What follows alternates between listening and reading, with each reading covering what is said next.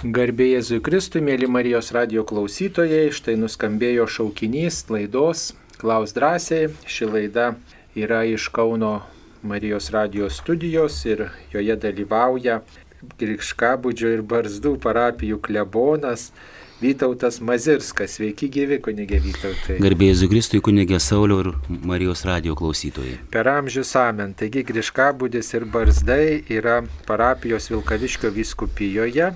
Ir taip pat Vytautas Mazirskas yra viskupijos, Vilkaviškio viskupijos jaunimo centro vadovas. Turi didelę pastoraciją darbę su jaunimu, su jaunais žmonėmis.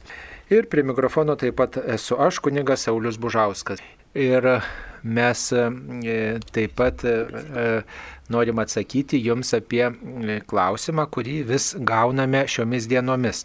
Kodėl reikia dalyvauti mišiuose gyvai sekmadienį, kodėl negalime stebėti per Facebook'o transliaciją, kodėl nepakanka stebėti per Facebook'o transliaciją arba per Marijos radio per Marijos radio transliaciją. Kaip A, taip, mums taip pat paskambino dabar. Kasgi mums paskambino? Valė iš Švento Laurino parapijos. Taip, Valė, mėla Valė, jūs eterija, klauskite. Noriu sužinoti, ar galime šią maldelę dabar kalbėti, nors tas laikas toks jau nelabai, nu, kaip kas sako, geras visokių tų bėdų. Ir nepriklausomybės laikais, kai stojo tokį, kalbelį, tokį maldelį, kalbėdavau mūsų kaimų gėdoris ir, ir, per kalnus, ir per kalnus Šventojo kryžiaus pagarbinimas, aš dabar padiktuosiu. Mes garbinam tave šventas kryžė, pasipuošusi Jėzos sanariais ir paraudusi nuo švenčiausiųjų kraujų. Garbiname dangiškai atpirkėją, kuris iš meilės mums biriant šito kryžiaus. Dieve pažvelk į mūsų einančius, su skaudžiais kryžiais paskui tave. Šis skaudi kančia atiduoda mūsų tautai laimingą ateitį. Pro nusikaltimų debesis, te pasiekia tave dangiškasis tėvė mūsų atsiprašymų balsus nes daugelis mūsų vaikų nebežino, ką daro.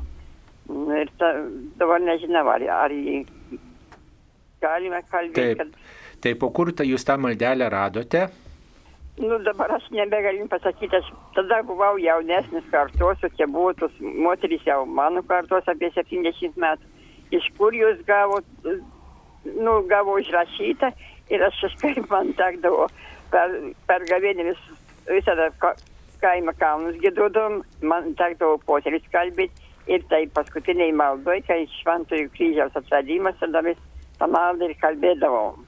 Taip, tai ačiū, ačiū Jums už šitą maldą. Tikriausiai galite kalbėti privačiam pamaldume, e, galite e, imtis ir naudotis, ypatingai jeigu Jūs labiau apmastote kryžių, apmastote Jėzaus Kristaus istoriją. Taip, taip jeigu, nes paprastai labai reikia, kad ir labai gražios maldos, bet bent jau bažnyčios mokymas ir e, kunigai egzorcistai patarė naudotis maldomis, kurios yra patvirtintos oficialiuose e, bažnyčios vyresnybės e, leidiniuose. Tai būna keletas maldakingių, man teko matyti tiesiog vietos vyskupų aprobuotos. Štai turim liturginį maldyną, kuris yra aprobuotas Lietuvos vyskupų konferencijos. Tai ir tai, ką jūs pasakėt šitą maldą, tai man tokia labai panaši yra į maldą, kur Kalbam birželio mėnesį, mielasis Jėzaus žmonijos atpirkėjau, pažvelk į mus suklaupusius prieš tave, tai kad ten irgi daugelis tavęs nepažįsta, kad pažintų.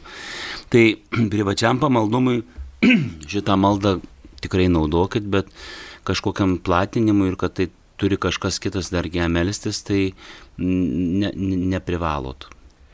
Matot, e, svarbiausia, kiek ta malda mūsų tikėjimą stiprina, kiek ta malda teisingai išreiškia tikėjimą, kurį perteikia bažnyčia. Ir e, kiek girdėjom, tai nėra nieko prieštaraujančio taip ta, tikram krikščioniškam tikėjimui, kurį bažnyčia skelbia, tai galime naudoti privačiam naudojimui. Va, o, o šitą platinti, jeigu jūs kažkam pasiūlysite, pasiūlysite kažko, kažkokiai draugiai, kaimyniai, giminaičiui, tai nusikaltimo nebus, bet žinot, visos maldos jos yra na, pa, patariamojo pobūdžio dažniausiai. E, jeigu e, mes turim vienokį ar kitokį pamaldumą, nereiškia, kad vienas ar kitas yra geresnis. Tiesiog šitas mums padeda ir mes labiau priartėjam prie Dievo, mums tai labiau tikėjimą padeda išgyventi vieną ar kitą maldą. Taip mums paskambino. Paskambino Stasys iš Vilniaus. Taip, klauskite. E, Tokia istorija. Noriu paklausti, ar katalikui tinka gydytis akupunktūrą kinetiškų adatėlių badymo terapiją. E, istorija tokia, kad pavasario pradžioje aš buvau sanatorijoje druskininkuose ir šalia tradicinių procedūrų - purvas, vonios, masažas, gimnastika. Papi, pasiprašiau papildomą procedūrą adatų terapija, už kurią reikėjo mokėti papildomai. Ir e, pradėjo mane badyti, nu, man atrodo, kad man gerėja. Prašiau, kad pagerėtų mano e, nugaros būsena, stuburas, nes paskausta man nugarą ir regėjimas ėmė silpnėti. Pradėjo mane badyti vieną, kitą, antrą, trečią seansą. Aš žiūrau, kad reiškia man blogėja stuburas, stuburų būsena ir regėjimas blogėja, ryškumas mažėja. Ir mm, aš galvoju, nu čia laikinas pablogėjimas. Priėmiau tos penkis sensus. Gydytojas siūlo šeštą, septintą, dešimt dienų buvau. Aš sakau, ne, man užteks. Dabar baigėsi adatų tera, šitą visą mano gydymąsi sanatorijoje. Prieš pat koroną aš grįžau į Lietuvą ir aš žiūrau, kad mano apskritai bendra savijauta. Ir protinis, emocinis dar šitas veiksmas ir fizinis blogėja. Ir aš žiūriu, žiūriu, kad reiškia, taip sakant, aš jau pradedu ryškiai jaus, kad aš drūčiai senas, drūčiai pasiligojęs. Ir kad aš mėgodavau net po 90, o tai ir 11 valandų, ėjau anksti gultis, nu žodžiu, čia korona prasidėjo ir aš taip gaivaliavausi vos ne tris mėnesius, arti to, ir būsena ir dabar poprasti, bet čia važiavau į gimtus kraštus savo, į Šakių rajoną ir ta būsena jau ėmė kažkiek tai gerėti ir, ir galva normaliai dirbti ar arti to. Ir, uh, nu, žodžiu, sveikolinausi visais būdais ir papasininkaudamas ir pabadaudamas ir darydamas gimnastiką ir grūdindim, grūdindamasis. Ir dabartinį būseną jau, jau, jau daug maž. Nu, žodžiu, dar pajokavimas toks, kad skubus moka dvigubai, o tai ir trigubai. Nu, tai va, aš irgi pasiskupinau ir jau pirkau tą gydymąsi ne, ne Lietuvos kurioj nors sanatorijai, kuriam nors kurorte, o Baltarusijoje, kur maždaug dvigubai, o tai ir 2,1 kartų pigiau Nu ir tai reiškia tokį, sakau, nu aš pabuvosiu tarybiniais laikais, atgal grįšiu, kur ten ir, ir Leninų paminklas yra, ir Čiapaevas, ir, ir, ir jų, jų reiškia tie tarpusavį žmonių santykiai daug maž tokie kaip tarybiniais laikais buvo. Ir maistas panašus kaip tarybiniais laikais, nu žodžiu, sovietskiai prastoj человек, tarybinis žmogus paprastas žmogus, nes mūsiškiai čia ir tie ypač turčiai ir kompleksuoti ir panaberniai ir su, su visokiais savo užkulisiniais mostais. Nu tai va, tai žodžiu, aš taip kaifavau kabutėse tą visą dešimt dienų Baltarusijoje ir dabar, dabar jau reiškia rebiu tą, ką prisidirbau. Nu, va, ir prašom jūsų komentarų, prašom jūsų atsakymų. Taip, ačiū, ačiū, supratau, ačiū Jums. Šiaip e, gydimas akupunktūra tai yra rytų šalių gydimas, rytų šalių praktika ir vėlgi kunigai egzorcistai ragina e, šitų gydimų nesimti, nes na štai jūs pats savo istoriją ir paliudijot, kad e, jūs nuvažiavot sano, į sanatoriją ir paprastai, kiek jau man tenka girdėti, kad žmonės iš sanatorijos grįžta tikrai ir palsėję, ir, ir pasijutę sveikesni o štai iš jūsų liūdimų paaiškėjo, kad e, jums priešingai sveikata sušlubavo ir, ir dabar turite, turėjote keletą mėnesių kažką daryti, kad kad jums sveikata grįžtų. Nesu specialistas, bet manau, kad visokiai stuburo skausmai yra ir tam tikros gydymo įstaigos, kurios grinai užsima tik stuburo gydymu. Ir, ir, ir tai yra gal kokie masažai ir kitokios procedūros. Taigi e, tikrai pakankamai kvalifikuotos e, medicininės pagalbos yra visokiems dalykams gydyti. Gal kartais yra mm, viskas paliekama tik medicamentiniam gydimui, susidurima su gydytojų tokiu abejingumu į mūsų sveikatą. Tuo labiau, kad korona pakoregavo taip, kad dabar viskas čia nuotoliniu būdu ir, ir, ir, ir gauti gydytojo pagalbą kartais tampa labai sunku. Bet vis tik tai, nu, reikia bandyti viską išbandyti, kas galima toj medicinui, kurią mes turime, kuri yra kaip mokslas ir, ir, ir, ir tai, va, tai dar patarčiau, jeigu to nepadarėte, išpažinti tai per išpažinti, tai bus jums tiesiog tokia dvasinė švara, e, gal smalsumo vedinas, gal galvojate, kad tikrai gali padėti. Ir, ir gal taip elgdamasis iš tikrųjų neturėjau tiesioginio noro Dievą įžeisti ar, e, ir, ir čia negali vardinti, kad tai jau čia kažkokia labai sunki nuodėmė, bet, bet jeigu būna nuraminta ir jūsų siela, jūsų dvasinis gyvenimas, nes tiek geri, tiek maži blogi dalykai prasideda mažuose dalykuose. Tai, tai būtų toks komentaras. Yra toksai dokumentas Jėzus Kristus gyvojo vandens nešėjas. E, ir tas dokumentas jį galima surasti e, ir internete šiuo adresu eis.katalikai.lt Jėzus Kristus gyvojo vandens nešėjas. Šį dokumentą pasirašė popiežiškoji kultūros taryba popiežiškoji tarp religinio dialogo taryba. Ir šiame dokumente yra apmastomas naujojo amžiaus e, judėjimas, reiškia, tokių krikščioniškų požiūrių. Ir šiame dokumente ir kaip tik tai paminėta, kad krikščionybė yra akupunktūra, biofeedback, chiropraktika, chiromantija ir panašios praktikos kaip ir joga e, neturi nieko bendra mm, su, su reiškia, krikščionišku gydimo būdu, su e, krikščionybė ir kad tai na, yra nusigrėžimas nuo to tokio žmogaus krikščioniško supratimo, atsiverimas tokiam truputį kitokiam žmogaus veikatos traktavimui ir ta žmogaus sveikata suabsoliutinama ir na, remiamasi tiesiog tokiu truputį maginiu mąstymu ir visiškai kita yra samprata. Taigi mm, tame dokumente galite paskaityti plačiau. Taip mums paskambino. Antanas iš Kretingos. Taip, Antanai, klauskite.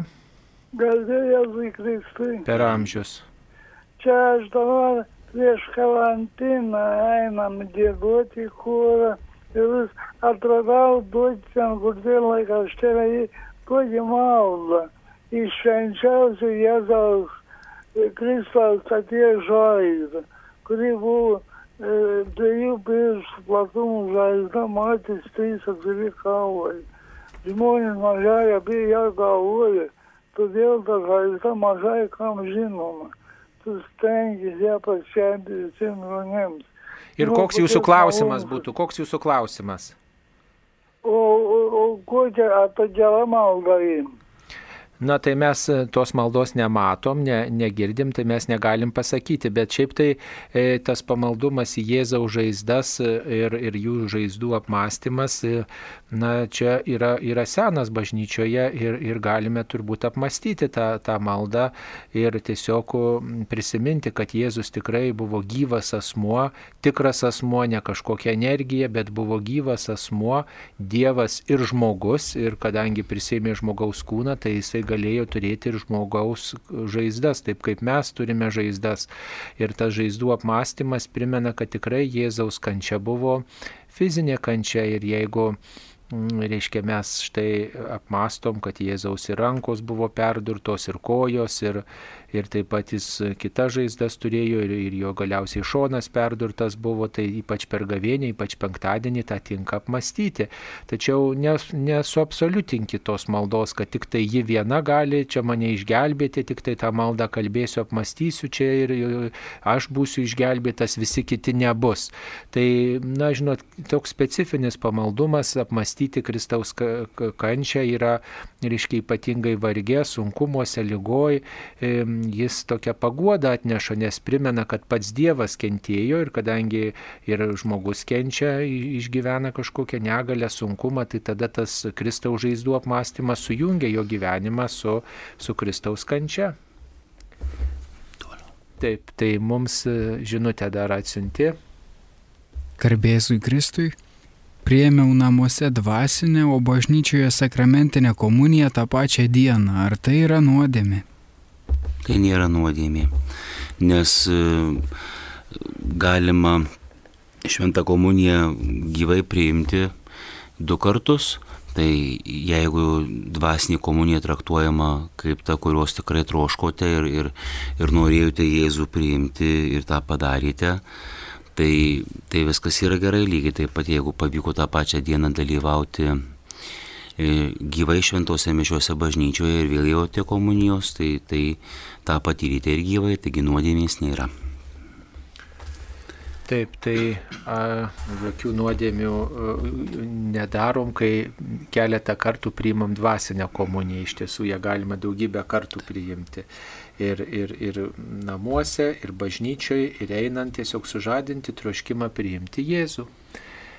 E, dar gal grįžkim prie to klausimo, kurį pradžioj laidos uždaviau apie sekmadienio šventimą. Kodėl reikia gyvai dalyvauti šventose mišiose E, kodėl nepakanka stebėti per e, televiziją, per, sakykime, kitus kanalus, kodėl. E, pavyzdžiui, aš sugalvoju, kad man reikia pasivaikščioti. Ai, gal susirasiu YouTube'ai, kaip žmonės vaikščioja ir pažiūrėsiu, kaip jie vaikščioja. Tai dabar aš noriu švęsti sekmadienį, aš noriu susitikti su Jėzumi ir galiu tą padaryti, aš, aš, aš galiu eiti ir pasivaikščioti. Aš suprantu, jeigu mano kojos yra sulaužyta, jeigu aš ten guliu lygos patale, e, tai ką padarysi, reikia stebėti internetu, kaip kiti žmonės vaikšto ir per langą, jeigu galiu juos matyti. Bet jeigu aš esu galintis vaikščioti ir, ir noriu vaikščioti, bet aš žiūriu, kaip kiti vaikščioja, bet pats guliu lovoje, nu tai ko, kas iš to mano noro. Tai čia tas pats ir su sekmanių šventimu ir gyvų dalyvavimu mišiuose. Turėjom karantiną, viskas labai aišku, negalim niekas niekur išeiti, stebim transliacijas e, per Facebook, per, per LRT ar, ar, ar per kitas informavimo priemonės. Ir dalyvaujam gyvai mišiuose, E, nieko per jas neveikiam, įsitraukiam, klausom Dievo žodžio, klausom, klausom homilijos, e, priimam dvasinę komuniją, bet karantinas jau baigėsi ir, ir visi, kas gali dalyvauti mišiuose ir gali eiti į šventasias mišes, tai turi taip ir daryti. Negali sakyti, pakank, vat paėmiau savo, nusprendžiau, pakanka, man ir toliau žiūrėti e, transliaciją mišių e, per Facebook, per, per YouTube, per, per, per, per kažkokį kitą vaizdinį kanalą ar, ar klausyti Marijos radio bangomis. Tai karantinas jau baigėsi ir visi galintys dalyvauti mišiuose turi juose dalyvauti, o tie, kas yra ligoniai, kas, kas ten paskutiniam mėnesį neiščiosios, kas slaugot savo ligonius, kas dirbat slenkančių grafikų į savo darbus. Tai va, tai yra tos visokios išlygos, kur, kur kaip sakyt, nu, kitaip negalite jūs elgtis, reikia elgtis taip, kaip šiandienai galite elgtis. Tai, tai va, yra tada tos kitos galimybės e, išgyventi mišių auką nuotoliniu būdu. Tai e, sekmadienis yra viešpaties Jėzaus Kristaus prisikėlimo diena ir tai yra ypatinga liturginio susirinkimo diena, kada mes e, kaip bendruomenė susirenkame kartu. Nėra taip, kad aš vienui vienas galiu švęsti šventasias mišes arba žiūriu ir, reiškia, ir tik tai žiūriu, kaip kiti švenčia. Tas gyvas dalyvavimas yra nepaprastai svarbu, kada ne tik tai klausausi Dievo žodžio, ne tik tai stebiu Euharistijos šventimą, bet ir gyvai dalyvauju savo buvimu, savo tokiu fiziniu dalyvavimu ir prisidedu prie bažnyčios tokio būrio ir kit, duodu ženklą, tikėjimo ženklą kitiems žmonėms ir, ir pats priimu tą, pati priimu tikėjimo ženklą, kad reiškia mes išgyvenam visi kartu kaip bendruomenė, kaip mistinis Kristaus kūnas, jo prisikėlimą.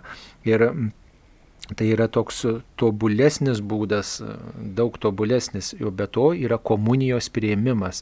Buvom sulaikyti dėl tokios grėsmės, veikatos grėsmės, bet dabar jau tie pribojimai tikrai jie jau nėra tokie griežti, kaip buvo anksčiau ir tiesiog galime dalyvauti su kaukė, galime išlaikyti atstumus ir tikrai tai yra proga gyvai prisidėti prie Kristaus mistinio kūno ir kartu priimti gyvai tą prisikėlimo žinę.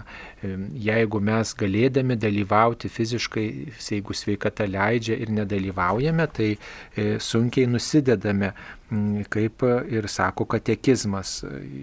Tai e, mums tai yra ir pareiga, ir dovana, ir malonė, ir mūsų tikėjimo išraiška. Ir jeigu mes nedalyvaujame gyvai šventose mišiuose, tai tikrai įskaudinam Dievą arba save nuo jo atitolinam. Tokiu būdu mūsų tikėjimas silpsta ir mes na, tampam labiau pažeidžiami. Tada mes atsiveriam kitom galimybėm, kit, kitiems tikėjimams. Kit, į pirmą vietą ne Dievą statom, negyvą santyki su juo. Taigi kviečiame visus pagal galimybės dalyvauti, o kas tikrai, kieno sveikata silpna yra, kas, kas tikrai negali, tas aišku išklauso šventų mišių transliuojamų per radiją, žiūri per kitas informavimo priemonės. Ta, tos, tų, tos mišios, aišku, transliacija jų tai pirmiausia ligonėms skiriama, o taip pat žinios kleidimui galiu gyvai dalyvauti, bet kartu galiu pasiklausyti ir, ir iš kitur. Mišių, pamokslo, pavyzdžiui, choro, dalies mišių galiu pasiklausyti, žodžio liturgijos. Ir tiesiog praturtinti savo Dievo žodžio pažinimą, kartu nukeliauti, nu, aplankyti, tiesiog tokia žinia skleidžiama informacija pasiekia įvairius namus apie šventimą, apie, apie šventę, apie atlaidus um, ar apie sekmadienio mišes tiesiog pasiekia žinia iš įvairių kraštų ir taip mes galim savo kiratį plėsti, bet tai normaliom sąlygom, kada žmogus gali nuvažiuoti, nueiti, tikrai neatstoja neatstoja gyvo dalyvavimo. Tikrai neapsigaukime, mėly tikintieji, net ir tie, kurie esam vyresnio amžiaus, tenkimės pagal galimybės tikrai keliauti į bažnyčią, į parapijos bažnyčią arba prašykim, kad kaimynai, giminės mūsų pažįstami nuvežtų mus kartu, nuvyktume, kad galėtume gyvai dalyvauti Euharistijos šventime, nes tas gyvas dalyvavimas maitina, stiprina visų mūsų tikėjimą. Taip, mums paskambino. Egidijus iš Vilniaus. Taip, Egidijau, klauskite. Garbėjai Kristai. Per amžius. Norėjau tokį klausimą mums užduoti. Girdėjau, kad šiandien sakėt, kad Jėzus Kristus tikras Dievas ir tikras žmogus. Tai va norėjau, tikiu tai, bet va protų norisi gal aiškiau suprasti, ar tai, kad jis Dievas, tai taip, bet ar jis buvo žmogus nuo pat pradžių, ar tik tai po išsikūnymo, kai žemėje. Tai va. O antras klausimas būtų galbūt apie apriškimą Jonui, va, ką ta žinia Dievas perdavė mums, ką jis norėjo taip pasakyti ir kodėl taip užkoduota, sakyčiau. Ačiū Jums už atsakymus. Ačiū Jums. Jėzus Kristus tikras Dievas ir tikras žmogus. I, nu, tai yra mūsų tikėjimo, tikėjimo tiesa ir be abejo mes kalbėdami apie jį kaip apie Dievą, tai žinom, kad Dievas yra amžinas ir, ir nu, tiesiog, tiesiog nei pradžia, nei pabaiga e, jo neaiškiai, o, o Jėzaus, apie Jėzaus žmogystę be abejo mes kalbam nuo jo įsikūnyjimo momento ir, ir, ir iki jo mirties va, ant kryžiaus. Tai viską, visą, visą tai jis, jis gyveno kaip žmogaus gyvenimą, o liūdimai apie jo prisikėlimą, tai vėlgi matome, kad jisai kažkokį tai laiką leisdavo, bet mm, su savo mokiniais ir, ir, ir kaip liūdija paštų darbų knyga, e, pasirodė nemaža žmonių, e, bet jau, jau tas jau prisikėlusio būvis yra kitoks, ar ne, kad tai yra tas būvis, kad turi viešpati Jėzų atpažinti, ar ne, ir, bet va, tas žmogiškasis gyvenimas, tai jį mums paliūdija šventame rašte keturios evangelijos ir tiesiog jis daug ką darė kaip mes žmonės.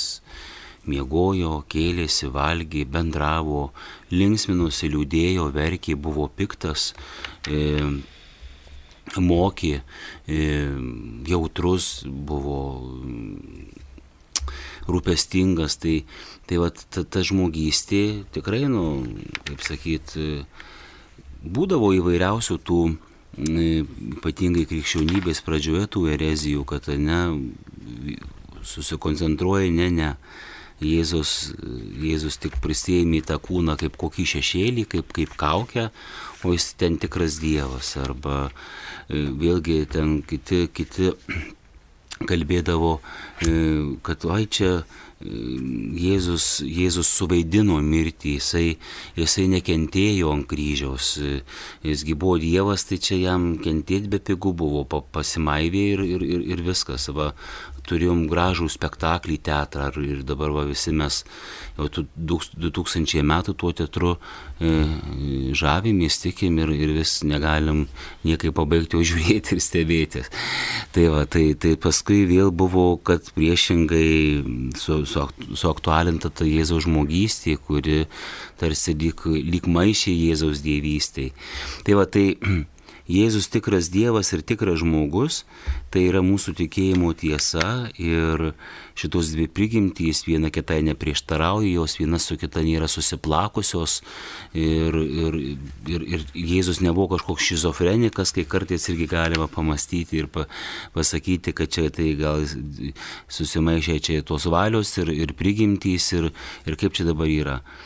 Tai kuo labiau turbūt pradedi gilintis protu, tai protas vis, vis tokių blokų meta, e, blokuoja ir čia, ai, čia neaišku, bet iš kitos pusės pasiduokite ir šventos dvasios vedimui, Egidijau, ir, ir, ir taip, protu aš čia nesuprantu viešpatie, bet, bet štai yra šita tiesa. Jėzus tikras Dievas ir tikras žmogus. Nu, leisk viešpatie tai priimti. Iki galo nežinau ir nesusigaudau, su kuo tai valgyti ir, ir, ir, ir, ir kaip tai priimti, bet, bet pasitikiu bažnyčios mokymu ir pasitikiu, kad tai, ką, ką bažnyčia kviečia tikėti, Jėzų Kristų, tikrą žmogų ir tikrą Dievą, priimu, nesuprantu iki galo, bet tu šventoji dvasia mane palaikyk, tu šventoji dvasia mane vesk kaip ir mes tikėjimo išpažinime, kiekvieną sekmadienį ir švenčių ir iškilmių dienomis išpažįstame dėl mūsų žmonių, dėl mūsų išganimo, Jėzus nužengė iš dangaus ir šventosios dvasios veikimu priėmė kūną iš mergelės Marijos ir tapo žmogumi. Taigi tam, kad e, mes būtume išgelbėti, tam, kad Dievas mums padėtų e, iš, išsigelbėti kartu na, su juo arba, kaip sakyti, jo padedami, galėtume būti išgelbėti, kad Dievas priartėtų prie žmogaus, štai Dievo sūnus priėmė žmogišką prigimtį iš mergelės Marijos. Žmogystę padovanojo mergelė Marija. Ir ta žmogystė, kaip ir visų mūsų žmogystė, jinai, e, galima sakyti, skleidėsi, kaip e, mažas Jėzus buvo, Jėzus vaikas, Jėzus paauglys, Jėzus buvo saugęs žmogus ir pasiekė brandą ir būdamas e, maždaug 33 metų buvo nukryžiuotas. Tai patyrė žmogišką mirtį, kaip ir mes patiriam visi, tai reiškia viskuo jį buvo į mus panašus išskyrus nuodėmę. Dievas ir žmogus išgyveno visą tai, ką ir mes išgyvename. Ir tai visą tai, kad mus išgelbėtų, kad mes susitaikintume su Dievu, kad turėtume progą per Jėzų susitaikyti, kad atleistos būtų mūsų nuodėmės ir kad mes būtume išgelbėti nuo nuodėmių pasiekmės mirties. Nuo amžinosios pražūties. Žodis tapo kūnu, va, tas e, toks kertinis mūsų tikėjimo sakinys. Žodis tapo kūnu ir Jėzus prisikėlė. Va, du tokie dalykai, kaip žodis galėjo įsikūnyti ir kaip Kristus galėjo prisikelti. Reikia tikėjimo. Reiškia, mes e, priimam apaštalų liudijimą, patys turim patirtį kažkokią, kad Dievas prie mūsų prisiliečia, turim bažnyčios patirtį, kad Dievas dalyvauja mūsų gyvenime, kad siunčia ženklus, kad palydi, kad globoja, kad išklauso, kad paguodžia. Na ir tokiu būdu priimam šitą tiesą. Dabar antras klausimas apie e, apreiškimo Jonui knygą. E, šiaip yra, Egidijau, tokia Biblijoje įvardyjama literatūra, kuri ir vadinasi apokaliptinė ir turbūt jinai įgavo būtent pavadinimą nuo apreiškimo Jonų knygos, kuri kartais ir vadinama apokalipsė. Ir Senajame testamente galima rasti e, tai Danieliaus knygoje, Ezekielio panašystėse, va, Ir taip pat pirmoji Henoko yra ne biblinės knygos, apokrifinės, kaip pirmoji Henoko knyga, ketvirtoji Ezdro knyga, Barucho e, sirieškis apreiškimas. Taigi e, apokaliptinės ištakos e, siekia pranašo Ezekielio laikus, tai, tūks, tai yra 587-537 metai prieš Kristų. E, būtent pranašas perduoda turimas labai spūtingas vizijas, skirtingai nuo pranašų, kurie skeldavo tautos atgimimą ir išlaisvinimą istorijoje. Apie antrą, trečią, antrą amžius prieš Kristų apokaliptinė literatūra ima plisti dėl Izraelio tautai itin blogų istorinių sąlygų. Šios apokalipsės adresuojamos dažniausiai tiems, kurie išgyvena ypatingai sunko persikojimų ir kančios metą. E, kai gyveno evangelistas ir apaštalas Jonas, o jis, kaip žinome, gyveno iš visų apaštalų ilgiausiai, tai jis nugyveno su tuo laikmečio laikų krikščionimis iki Nerono ir Decijano persekiojimo laikų ir, ir vėlgi tas Jėzaus Kristaus apreiškimas, kurį Dievas jam davė, kad jis atskleistų jo tarnams, kas turi greitai įvykti. Tai pirmiausiai šita prieškimo knyga yra apreiškimas apie Jėzų ir jo veikimą įvairių nelaimių kamuojame pasaulį. Ir evangelistas Jonas yra netgi tokia irgi išskiriama Jono teologija Biblijoje. Tai evangelistas Jonas tą pasaulį įvardyja e, kaip blogio pavertą žmoniją. E, taigi e, tarp Jono Evangelijos ir apreiškimo knygos yra ir panašumų e, tiek stiliumi, tiek teologinėmis temomis, e, tačiau dabartiniai Biblijos tyrinėtoriai leidžia manyti, jog apriškimo knygos autorius gali būti net ir kitas, e, nebūtinai evangelistas ir apaštalas Jonas. Taip pat šita knyga naudoja įvairius simbolius, kurie išreiškia nu, tuo metu irgi besidedančius įvykius ir kurie tarsi lyg stiprina krikščionės nepalūšti ir, ir turėti tą antrojo Kristaus ateimo viltį. Va, o kaip žinia, kiekvienam tas antrasis Kristaus ateimas turbūt įvyksta mūsų mirties valanda, kai, kai mes tikrai stojam Jėzaus akivaizdoje ir jis įžengia į mūsų tą gyvenimą. Tai va, tai ten tų simbolių tikrai yra daug. Ir apie vinėlių vestuvės, ir apie tikėjimo kovą. Tai šiaip galite tikrai rasti internete įvairių straipsnių, tiek lietuvių kalba, jeigu galite kalbėti ir skaityti angliškai, taip pat ir anglų kalba. Tai tikrai, vat, bekalbant su jumis ir čia vat, citavau tam tikrą e, straipsnių ištrauką iš Tibiriados bendruomenės brolio Mišel. Tai yra, yra tų, tų tokių paaiškinimų, kur, kur galime įsiaiškinti, galų galia, jeigu turi šventą raštą namuose, tai prieš kiekvieną švento rašto knygą arba knygų grupę yra tam tikri įvadai ir paaiškinimai. Tai jie irgi gali padėti susigaudyti, kas čia per literatūra, kas čia norima joje pasakyti.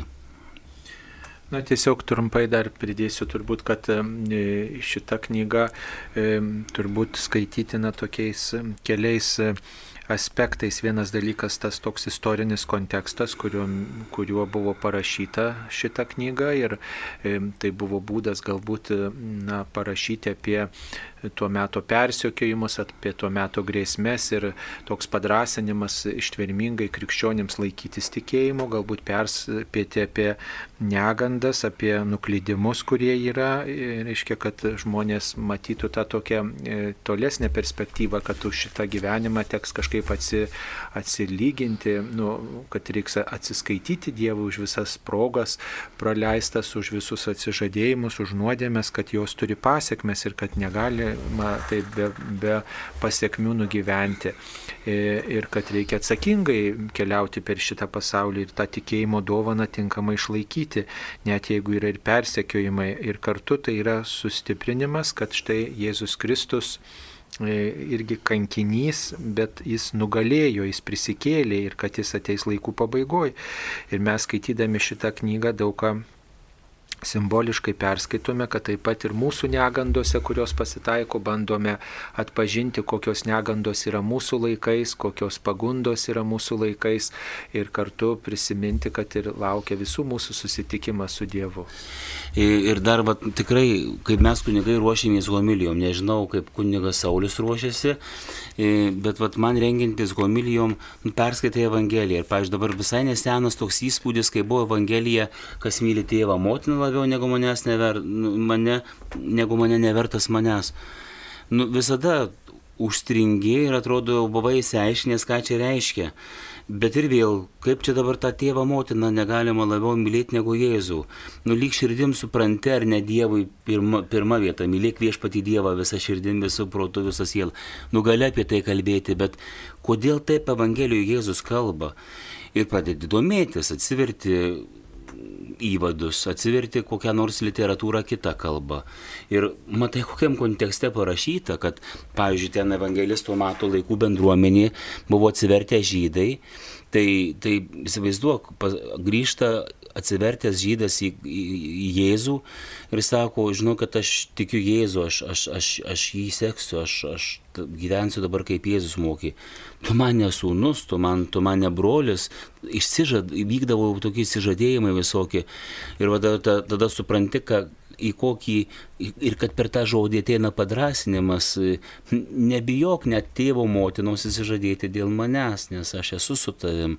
Tai vad kartais tikrai tam tikri išsireiškimai Evangelijose, kitose knygose, jie, jie keistai nuskamba, bet tada turi pasi, pasidomėti, o koks čia kontekstas, o, o kas čia yra, kokiu, nes prisiminkim, kad nors ir rašo apie Jėzų tarp jo gimimo, mirties ir aišku po prisikėlimo, bet visigi šitie dalykai parašyta po Kristaus prisikėlimo, Kristaus prisikėlimo šviesoji.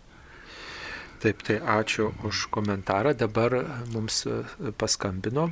Regina iš Kauno. Taip, Regina, klauskite, jūs eteryje. Garbėjai Zikris. Per amžius. Aš norėčiau paklausti, ką reiškia žodis kontempliacija. Ir paskui dar kodėl dabar naudojama labai homilija, adoracija. Man taip gražu, pavyzdžiui, kai sako pamokslas, garbinimas. Taip, labai gražu. Tikrai žodžiai nelietuviški. E, taip, kontem... aš, gal, aš, gal, aš, aš gal apie homiliją ir adoraciją, o jūs kunigė Saulio apie kontempliaciją. E, be abejo, kad tai yra žodžiai turintys savo ištakas lotynų kalboje net gal net ir graikų kalboje kaip homilija, homilein, draugiškas pasi, pašnekesys su namiškiais. Tai e, mišiuose, kai kunigas arba diakonas paskelbė Evangeliją, mes ją klausom atsistoję, mes jai, jai net pasiruošėm e, tam tikrais e, gestais ar nelaimindami savo protą, savo lūpą, savo širdį, atsakydami tam tikrus e, kunigo ar diakono pakvietimus, šlovėtau Kristau. Ir tada susėdami, jeigu yra tos vietos atsisėsti, va, toks draugiškas pašnekesys su namiškiais turi būti, ką mes čia dabar išgirdome. Be abejo, iš to gali plaukti ir kažkokie pamokymai, ar ne? Bet e, tai ir anksčiau ir būdavo vadinama pamokslai, nes e, yra tam tikra, sakykime, rūšis ir tų pačių homilijų, katechetinės homilijos, pavyzdžiui.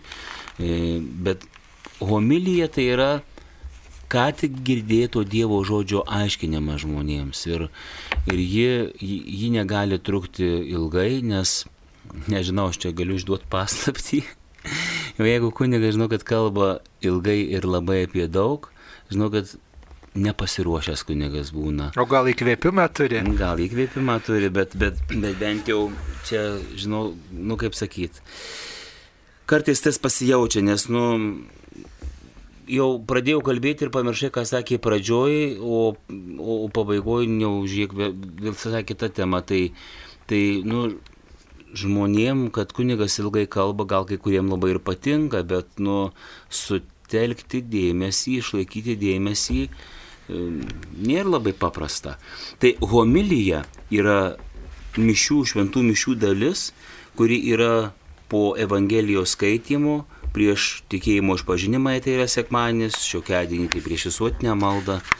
Ir homilijos tikslas yra draugiškai pasikalbėti su bendruomenė, kuri ką tik išgirdo Dievo žodį, apie ką čia Jėzus, apie ką Dievo žodis kalba.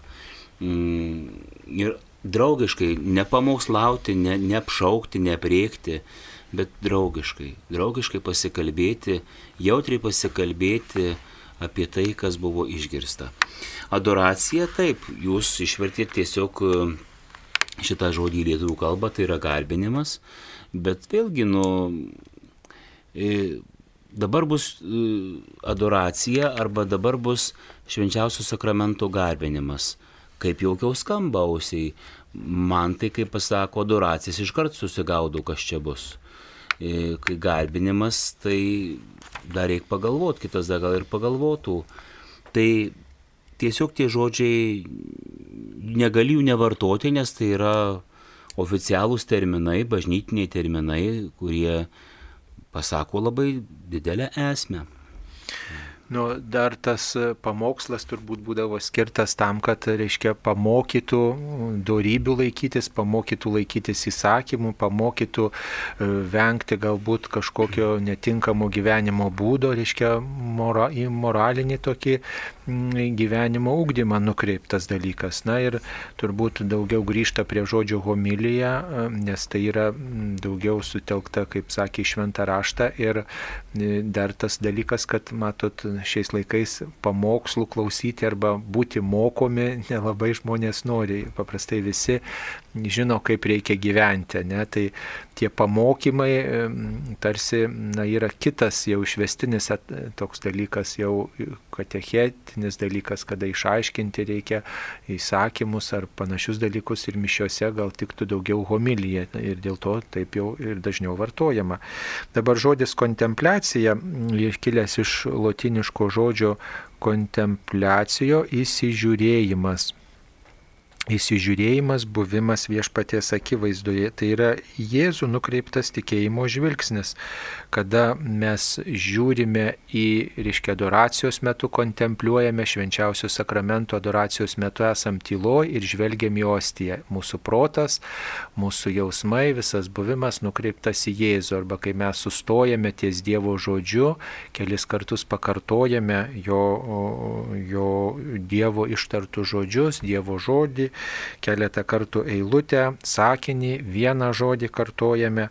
Ir tam, tai yra tam tikras toks buvimas Dievo akivaizdoj, įsižiūrėjimas, susivienijimas, toks mistinis susivienijimas savo vidumi, tam, kad mes išmoktume kontempliuoti turbūt reikėtų mokytis vidinės širdies maldos, tylos maldos, kada mes negalvotume apie savo rūpeščius, apie planus, neplanuotume susitikimų, darbų, negalvotume, kas bus po to, kaip čia viskas atrodo, kaip čia įruošta, nevertintume, nesvarstytume, nesvajotume, bet tiesiog būtume su Dievu.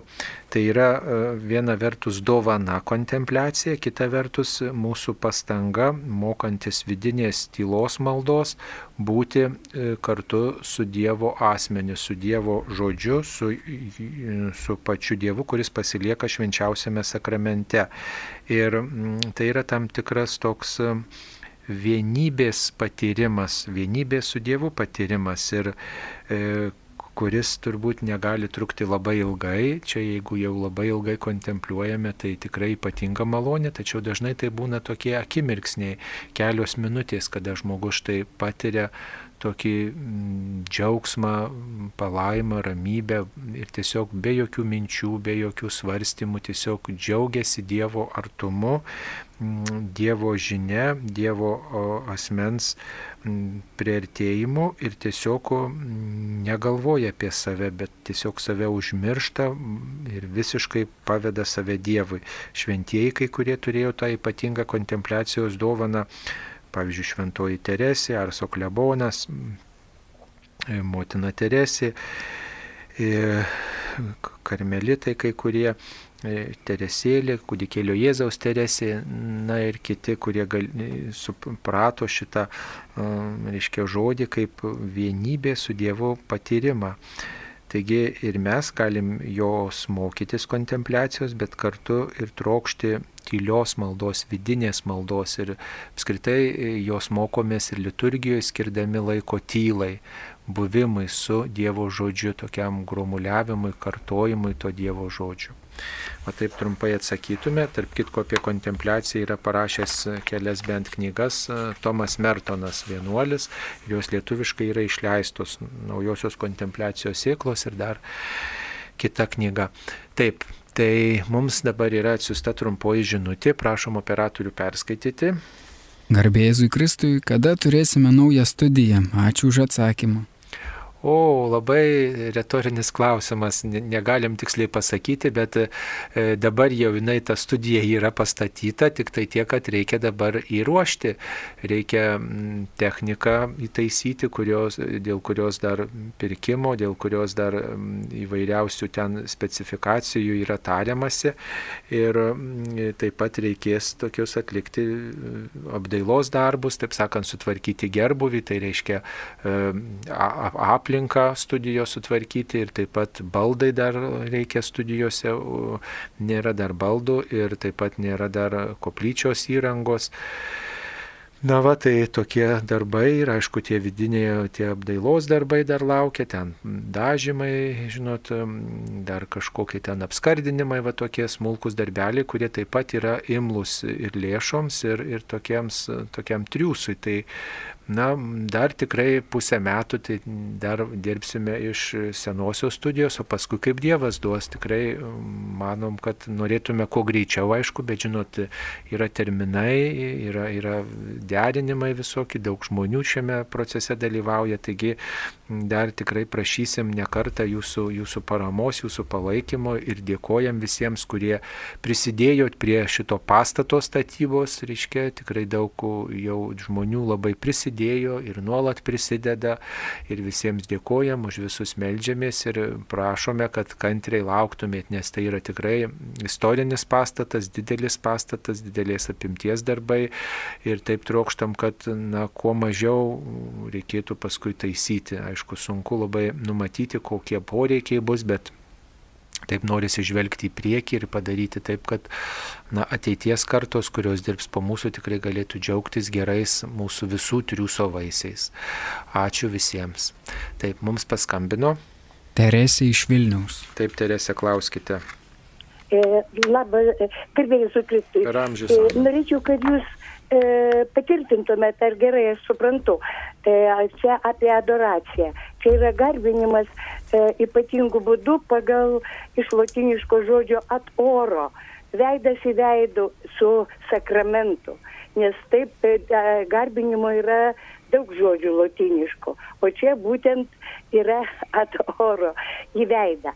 E, jeigu aš teisingai suprantu ir jūs patvirtinsit. Ir antras klausimas m, yra, aš norėčiau sužinoti apie Lefebrą, apie jo bažnyčią. Ar tai yra sekta, tas tradicinis būdas jų. jeigu galima. Ačiū už atsakymus. Jūs teisingai suprantat, veidas į veidą yra garbinimas. Aš žvelgiu į jį, Jėzų, Jėzų žvelgia į mane. Buvimas viešpaties akivaizdoje.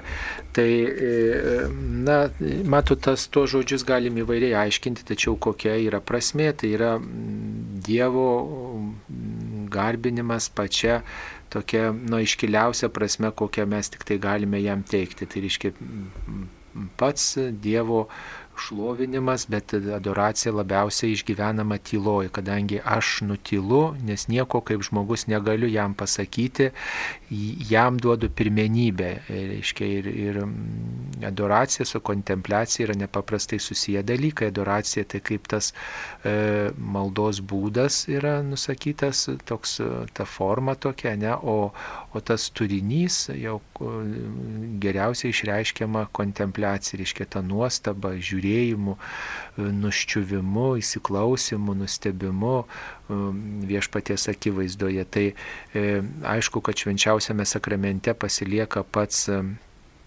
Jėzus Kristus ir na, jis yra su dievystė ir žmogystė, širdis, veidas, visas jis yra tenai. Tai aišku, kad aš su, su savo trapumu, su savo veidu, su savo gyvenimo istorija esu prieš jį. Jis yra tas pats, kuris prisikėlė, tas pats, kuris blogį įveikė. Taigi na, vat, būdamas Dievo akivaizdoje ir garbindamas jį, aš esu tiesoji, tam mes esame ir sukurti, kad garbintume Dievą. Tai yra nu, pats mūsų gyvenimo tikslas ir prasmė atsiskleidžia šiuo momentu. Mums atrodo, kad tai yra laiko švaistimas arba kažkokiu prašymu aš čia turiu e, išsakyti, bet iš tiesų adoracijoje tai aš pilniausiai išgyvenu savo kaip žmogaus paskirtį, garbinti Dievą, šlovinti, būti jo akivaizdoje. Na, va taip atsakytume. Taip, apie e, Marcelį Lefebrą, ką galima pasakyti, tai, na tai trumpai gal reikia pasakyti tai, kad e, jis e, yra tas vyskupas, kuris štai nepritarė antro Vatikano susirinkimo tokiai krypčiai, va, kur bažnyčia pasuko po antro Vatikano susirinkimo, liko prie tokios tradicinės mišių šventimo formos, nepritarė Lefebras ir kiti viskupai, kunigai, grupelė tokių kunigų nepritarė ekumenizmo tai krypčiai, tarp religiniam dialogui ir kitiems dalykams, tam, reiškia, liturgijos šventimui gimtają kalbą, visom tom liturginiam reformom, kuriomis mes dabar naudojamės taip sakant, tai žodžiu buvo tokia ekskomunika buvo atskirtas, reiškia, nuo bažnyčios, nes Marcelis Lefebras konsekravo vyskupus be popiežiaus pritarimo. Ir tai pagal kanonų teisę, reiškia, pasiekmė ekskomunika, reiškia, yra. Taigi, tokiu būdu atskyrė mm, e, save nuo bažnyčios mm, šitas vyskupas, tačiau popiežius Benediktas XVI šitą ekskomuniką atšaukė siekdamas dialogo. E, tai tos bendruomenės gyvuoja, e, dabar ekskomunika yra atšaukta, dialogas kažkoks matyt vyksta, kad tos vienybės būtų daugiau, tačiau na, procesas yra nelengvas, tai pasakytume. Ir, ir tiesiog aišku, yra tos bendruomenės, jos mažos, bet gyvuoja ir Lietuvoje. Tai, na, prisirišimas prie mišių šventimo lotynų kalba, tokių tradicinių formų, reiškia, apėgos vyksta lotyniškai, užgriežtas altorius ir panašiai. Va, na, bažnyčia supranta, kad antras Vatikano susirinkimas tai nebuvo tik tai popiežiaus kažkoks išmislas, tai tikrai šventosios dvasios įkvėpta bažnyčia tą susirinkimą sušaukė, popiežius sušaukė, bažnyčia jame dalyvavo ir, ir bažnyčia priėmė tuos pokyčius, kurie gal ne visada išeina, kaip sakyti, galbūt gera kryptim, tačiau, na, popiežius ir, ir, ir, ir visa, visi bažnyčios viskupai nebejoja, kad tas dialogas jisai būtinas ir su kitais krikščionėmis, ir su kitom religijom. Aišku, kartais tas gal visų tokių klausimų įvairiausių kelia, tačiau mes negalime tame nepastebėti viešpaties troškimo, kad visi būtų viena, aiškiai, ypač Kristaus išpažinėjai. Ir mes negalim atmesti kitų religijų turbūt mm, vis dėlto tos krypties ir tos tiesos ieškojimo ir noros pastangų susitarti tai tikrai turim tą perskaityti kaip tam tikrą laiko ženklą, tą eiti vienybės keliu. Aišku, čia ir įvairiausių pavojų yra, tačiau e, na, negalim užsidaryti ir likti prie tų senų tradicijų. Šventosios mišios jos kito per visus įvairius tuos laikus, per tuos 2000 metų ir mes negalime turbūt vien tik tai pasilikti prie tų formų, kurios štai buvo ankstesniais laikais. Vis tiek turim laiko ženklų skaityti apie tai popiežiai kalba ir Na, turbūt, o ta bendruomenė kažkaip yra prisirišus prie tų senų liturginio šventimo formų. E, na, tai vyksta dialogas, turbūt jis užtrunka ir, na, turbūt negalime skubinti, bet pagarbiai esam kviečiami žiūrėti į tuos žmonės, kurie truputį kitaip priima krikščionišką tikėjimą. Na, kunigė gal ką dar pridės. Taip, tai mums paskambino. Algirdas iš aukštaitijos. Taip, Algirdai. Garbė Kristui. Per amžius. Noriu paklausti, labai malonu, kad Marijos litanija dar dviem invokacijom pasipildė. Ir dabar noriu paklausti, pavyzdžiui, ta, tas kreipinys garbinimas motina vilties, lotiniškam variante po motina tyriausioji ir kitas migrantų pagoda, po nuliūdusių pagoda. O pas mus dabar lietuviškai irgi turbūt turėtų būti tam tikra punktacija sužymėta, nes, sakykime, viešam kalbėjime ar gėdojime, taigi trikdytų. Ir tada dar antras toks filosofinis klausimas, kai Skladovska Kiury prašė popiežiaus, kad būtų įdėta invokacija karalienės šviesos, čia, nu, ta prasme, mintis apie mokslą turbūt, bet popiežius nesutiko. Ar, ar šiaip kažką galite tai pakomentuoti ir ne? Labai ačiū. ačiū. Sunku ką ir pakomentuoti, dėl ko popiežius nesutiko. Nu, čia gali kalbėti iki, iki ryto kito, ir, ir, ir, bet mes nelabai ne, ne turbūt galėtumėm kažką šituo klausimu pakomentuoti. O, O dėl švenčiausios mergelės Marijos litanijos jėgos, nu, tai jūs jau viską pats ir pasakėt, kur ten kokios nu, invokacijos. Nu, matot, dėl to tikslesnio vertimo dar turbūt reikėtų sulaukti oficialaus patvirtinimo. Čia, ką girdėjom, tai iš Vatikano žinių, bet, reiškia, Vatikano naujienų tarnyba, bet jie vat, paskelbė, tokia, tai, tokia darbinė informacija yra, ar ne, bet e, tą tikslų vertimą, ar, tikrai tai bus migrantų pagal paguoda, ar truputį gal e, šiek tiek patikslintas tas vertimas, nes na, įvairiai ten galima turbūt versti. Tai mes sulauksim tiesiog oficialaus viskupų konferencijos, turbūt e, Lietuvos viskupų konferencijos rašto tokio.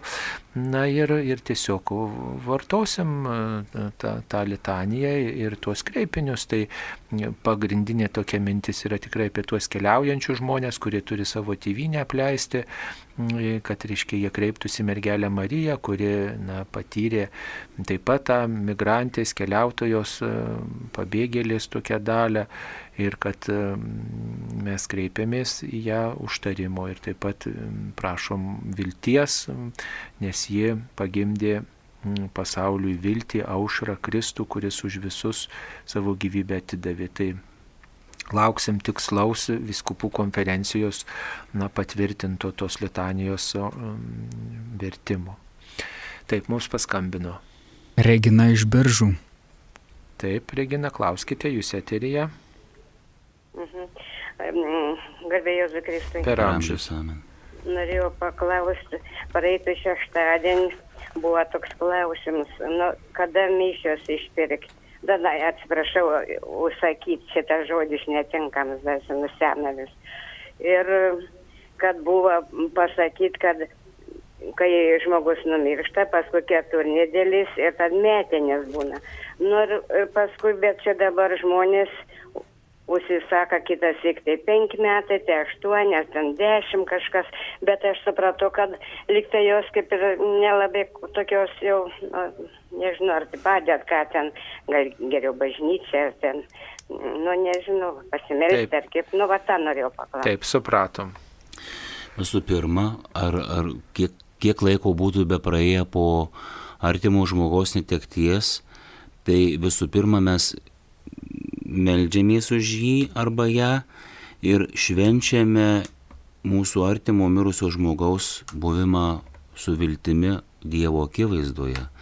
Va, ir nes šventa mišių auka ne tik tiems, kurie gyv... švenčia visa bažnyčia, o bažnyčia nėra tik tai gyvieji, bažnyčia yra ir, ir šventieji, ir palaiminti, ir, ir, ir, ir, ir va, žodžiu, ta, ta dangiškoji bažnyčia, žemiškoji bažnyčia.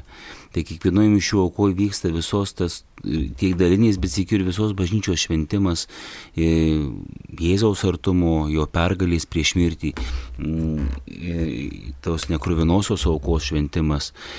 Tai pirmiausia, vat, prisi, prisimenam savo mirusiuosius ir, ir turėtumėm tos laikysenos tenktis būti, kad mes švenčiame su mūsų iškeliavusiais Jėzaus Kristaus pergalę prieš amžinąją mirtį. Va, ir, ir mes švenčiame ir turime vilties, kad ir e, mūsų artimasis viešpaties artumoji ir mes ten norim papulti. Kitas dalykas, kuris jau aprobuotas ir, ir, ir bažnyčios teisė, paprastai, kai kas užsako mišes, duoda ir, ir auką joms. Ir kunigai įsipareigoja sutartų laiku tą aukotojo valią išpildyti ir, ir viešai įvardinti intenciją, e, už ką norima melstis, ar, ar tai mirusį žmogų, ar, ar gyvą žmogų, prašyti gyviesiems sveikatos, mergelės Marijos palaimos.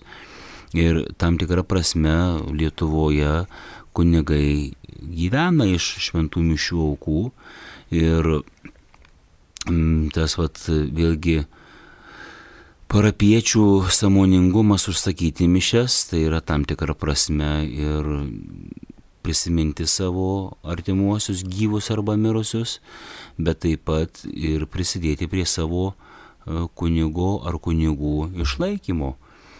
Tai tos mišios, ar jos bus e, keturnedėlio, tai yra 30 dienų po mirties ar 30 metų po mirties, tai jų, jų vertė neįkainojama ta pati. Tai yra, nu, kaip sakyt, brangiausia, ką bažnyčioje turime. Ir, ir kaip jūs likelėte klausimą, ar čia gali kažką padėti. E, mes nežinom, bet mes pirmiausiai prisimindami savo mirusiuosius mes taip atsidūrėm bažnyčioje, taip mes išgirstam Dievo žodį, tai mes atsidurėme tai, kas bažnyčia maitina, tai yra šventų mišių šventime Euharistijoje, mes, mes esame kviečiami dėkoti už Jėzų už atpirkimo darbą, tai, tai vėlgi, nu, kitas dalykas, tas ar mirusių, ar gyvų prisiminimasis, jis bent kažkaip mus į bažnyčią atveda e, ir į tą bendruomeninį liturginį šventimą, kaip, kaip kunigas Saulis čia atsakinėjo pirmąjį klausimą. Tai, tai va būtų toks komentaras iš mano pusės. Na taip, e, matot, e, ta, tas atsakymas, kuris buvo pra, pateiktas praeitoj laidoj, minėjau, kad mišio, mišiolė yra tekstai gavų žinia apie mirtį, septynios dienos po mirties, trisdešimtą dieną po mirties ir metinių progą po mirties. Ir taip pat yra mišios užmirusi, ne, neminint kažkokio, e, nepabrėžiant kažkokių metų sukakties. Tai, tai va, tai, tai tokiom progom ir aukojamos šventos mišios. Jeigu žmogus numirė e, ten daugiau metų, jau praėjo, tai mato, ta malda, jinai, ne, kaip sakyti, ne, nėra taip, kad jinai neturėtų jokios vertės. Visų pirma, tai jūsų pačių tikėjimą išreiškia, jūsų pačių tikėjimą išreiškia, ryšį su tuo žmogum iškeliavusiu jam žinybę stiprina, mes tokiu būdu jį, jį prisimenam, jo gyvenimą, jo istoriją ir prašom viešpaties artumo tam žmogui ir vienijamės e, ir patiriam patys Dievo artumą, prisimenam tą žmogų, tai yra tobulas būdas prisiminti žmogų iškeliavusi ir patirti vienybę su juo. Kito tokio tobulo būdo mes žemėje neturim. Tik tai vat mišiuose tą žmogų mm, vat, prisimindami mes Dievo akivaizdoje ir patys stiprėjam ir tam žmogui padedam, dovaną įteikiam, linkim ramybės, taikos ir, ir vienėjamės su juo. Jeigu jau tas žmogus yra dangui, kaip mes varstom ir tikrai jau, jau ta malda jam nėra reikalinga, tikrai ta malda nepražūna, Dievas iš matydamas mūsų rūpestį, mūsų dėmesį, e, prisiminimą mirusiųjų panaudoja tą maldą, tą tokį užtarimą, tą globą, tą mūsų pasiaukojimą, tokį maldingumą kitų iškeliavusių žmonių gelbėjimui. Tas solidarumas Dievui yra nepaprastai brangus, e, nes galbūt ir kitų mes giminių turim, kuriems reikia maldos, o kuriuos gal nepaminim ar pamirštam, nes esam prisirišę tik prie vienų, tai tikrai ta malda jinai nepakenkia. E, nei mums, nei mirusiajam, nei, nesvarbu, kiek metų būtų tas žmogus iškeliavęs. Nu, įprasta, žinot, kol žmo, artimieji gyvi, tai meldžiasi už tą žmogų ir ten mini tą sukaktį metais. Tai toks žmogiškas dalykas yra štai yra proga tarsi prisiminti, va kaip ir pasveikinti. Juk iš esmės žmogui dėmesį parodyti reikia nuolat, ypatingai tada, kai jis yra liūdnas, nusiminęs, kai jam blogai, o štai mes kažkodėl sveikinam vardinių gimtadienio progą arba jubilėjaus progą, o jeigu nėra ten jokių jubilėjaus, tai gal ir nesveikinam arba tik tai šiaip paskambinam jau nei gero žodžio tokio ilgesnio, nei atviruko tokio gražesnio nenuperkam, ar ne? Ne, tai, bet žmogui reikia nuolat to palaikymo, kol gyvenam žemėje. Tai taip ir tie mirusieji, kai yra štai jų sukaktis, mirties sukaktis, mums yra tarsi proga susirinkti giminiai arba patiems gal štai prisiminti tą žmogų, gal ir patys prieinam iš pažinties tą progą, apmastom savo ryšį su Dievu, tie, kas rečiau nuo tikėjimo nutolę prisimena tą žmogų ir, ir tiesiog yra proga ateiti į mišes. Na tai yra toks pastoracinis momentas, kuris štai padeda mums tikėjimą giliau išgyventi, juk atvirai pasakysime, dažnai žmonės neperžengtų bažnyčios lenkščio, jei ne mirusiųjų paminėjimas. Tai, žinot, galbūt tie mirusieji yra šaukliai, vedliai, kurie mus atveda prie Dievo, kurie mus atveda į tikėjimo gyvenimą. Tai mm, juos minėdami mes patys ruošiamės tam susitikimui su Dievu. Mes negalim šito elemento išbraukti, ar ne? Ir jeigu mes neminėsim, tai tada ir mūsų pačių tikėjimas tikėjimas bus silpnas. Tai reiškia ir mes nepasiruošim tam susitikimui su Dievu ir žalą tiem artimiesiam padarysim, nes bažnyčia moko, kas meldžiasi už mirusius, daro gerą darbą. Va, ir vienas iš gerų darbų - melstis už mirusius, už gyvus ir mirusius. Tai aišku, svarbu ir už gyvus melstis, bet ir mirusių nepamiršti tokiu būdu, galbūt ir skolą atitaisyti, štai jeigu mes netinkamai elgiamės su jais ar kažkaip netinkamai bendravom meluom, ar kažką nepadarėm, ar padarėm ne taip, tai yra proga vat, Dievo akivaizdoje atsiprašyti to žmogaus. Dar vat, galima papildyti, kad mes, mes kunigai e, turime tokią knygutę, kuri išleidžiama kiekvieniems liturginiams metams ir vadinasi liturginis kalendorius. Ir čia mes šiame liturginėme kalendoriuje turime apieiginių įvairiems reikalams votyvinių ir gedulinių mišių lentelį, kada galima tam tikras šventas mišes aukoti. Tai, sakykime, aukščiausias tas lygmuo negedulinių mišių tai yra laidotojų šventosios mišios, e, tai jas galima aukoti visada išskyrus, išskyrus negalima aukoti, kai būna įsakytos iškilmės, pavyzdžiui, artimiausia tokia iškilmė bus rūpiučio 15 dieną žolinė švenčiausiosios mergelės Marijos dangundžengimo e, paėmimo į dangų iškilmė. Ir, sakykime, jeigu vat tokia diena išpultų laidotuvės, tai kunigas aukoja žolinėms skirtais tekstais e, ir formuliarais e, mišes ir taip pat Dievo žodis žolinės iškilmės. Taip pat laidotų mišios negalima aukoti per Advento ir gavėnios bei Velykų laiko sekmadienius ir be abejo Velykų tridienį. Tai jeigu atišpultų, kad laiduvės ir, ir mišios būtų advento, gavėnios ar Velykų laiko sekmanės, tai irgi būtų Dievo žodis imamas iš advento, gavėnios Velykų laiko sekmadienio ir, ir formuliarai mišių irgi atitinkamų sekmadienių. Tada dar yra kitos mišios, sakykime, gavus žinia apie mirtį, e, perkeliant palaikus pirmosios metinės ir 30 diena po mirties.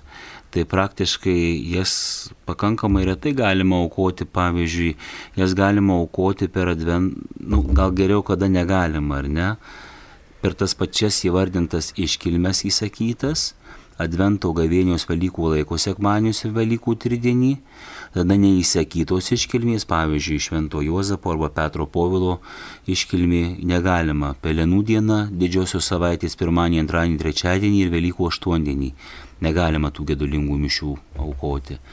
Tada kalėdos, kalėdų laiko sekmadienį ir eiliniais sekmadieniais negali aukoti.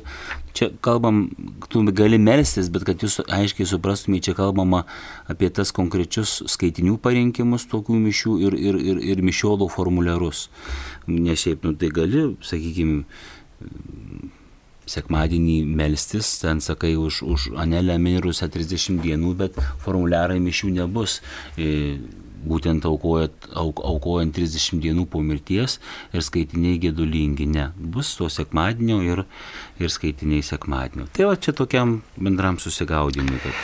Na, dar turbūt reikėtų pasakyti, žmonės kartais klausia, turbūt visiems klausytojams būtų įdomu žinoti, kodėl 30 diena minima ir kodėl minimos metinės. Tai 30 diena minima, čia tas toks minėjimas e, susiklosti, galima sakyti, nuo viduramžių kai tokia samprata buvo apie žmogaus gyvenimą, štai ta 30 diena primena e, t, tris tokias dekadas, 30 dienų, tai reiškia 3 e, po 10. E, ir ta dekados, tos kelios trys dekados tarsi primindavo švenčiausiąją trejybę. Ir savotiškai būdavo prisimenama tas žmogus, kuris iškeliavo jam žinybę, tačiau galbūt jo, jo tikėjimui kažko trūko ir kad jis negali gal dalyvauti švenčiausios trejybės gyvenime ir galbūt jo tas tikėjimas švenčiausiai trejybė buvo gal silpnas, nepakankamas buvo ir galbūt jis tikrai tikrai nusižengė dekalogui. Ir štai prisimenant va, tuos iš tokios perspektyvos jau po mirties jo gyvenimą būdavo kojamo šventos mišios. Ir toji tradicija liko ilgainiui na, visoji bažnyčioj, ypač mūsų krašte. E, ir taip pat e, aukojamos mišios metinių proga, prisimenant, reiškia, liturginį kalendorių, kad mes kasmet minim vieną ar kitą šventą, ypatingą jo mirties dieną. Dabar e, kai kurie šventieji minimi ne tik tai jų mirties dieną, ir kito, kitą jų gyvenimui reikšmingą dieną, svarbę dieną, kuri buvo susijusi su jų gyvenimu ar darbų istorija. Tai, bet taip jau sena tradicija tokia yra minėti mirties dieną, šventojo mirties dieną dieną kaip gimimą dangui. Tai ir mes minime metinių dieną tam, kad prisimintume, jog tai vat, buvo virsmas, jis užbaigė šitą žemišką kelionę ir prasidėjo jo amžino gyvenimo tikrovė. Ir mes linkim, kad ta, tas amžinas gyvenimas būtų šviesus ir Tokiu būdu patys išgyvenam tą troškimą dalyvauti amžinybėje, ypač tie žmonės, kurie jį pažinojom ir prisimenam jo darybės, tačiau jeigu tas žmogus turi kažkokiu trūkumu ir tikrai dar kažkas, kas trukdo dalyvauti tam amžinajam gyvenime, štai mes už jį melžiamės e, tose mišiuose. Tai štai toks būtų vat, aiškinimas. Aišku, dar yra ir e, kitų tradicijų, nes net ir pagonys minėdavo mirusiųjų iškeliavimus ir turbūt bažnyčia štai skelbė skelbdama krikščionišką žinę įkultūrino ir, ir tuos minėjimus visus taip pat galima sėti ir su, reiškia, pagoniškom tradicijom. Tačiau vat, krikščionybė apvalė nuo tų netinkamų prasmių ir štai e, e, paryškina tą tokį amžino gyvenimo e, ilgesį, troškimą ir linkėjimą mirusiesiems. Ir tikrai šventam rašte randam, kad Jėzus meldėsi už iškeliavusius ir, ir jam buvo svarbu tą amžiną gyvenimą paliudyti.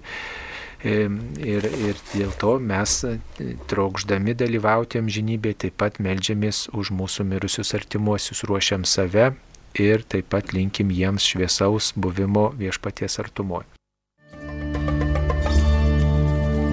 Su jumis Marijos radijas.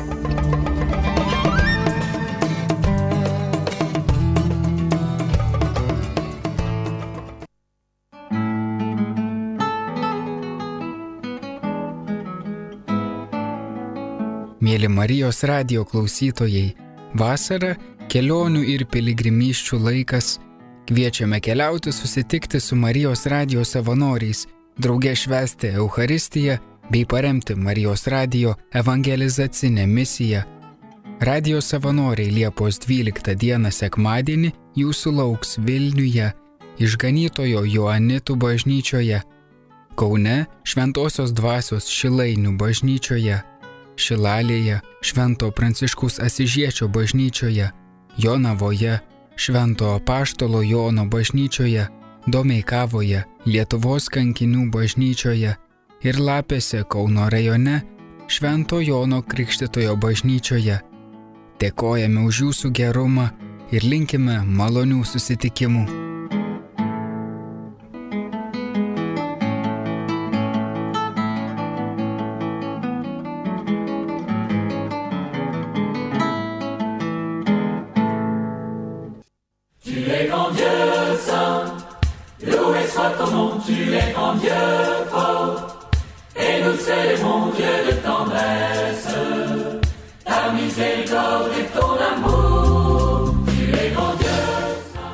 Pokalbių laida Klausk drąsiai.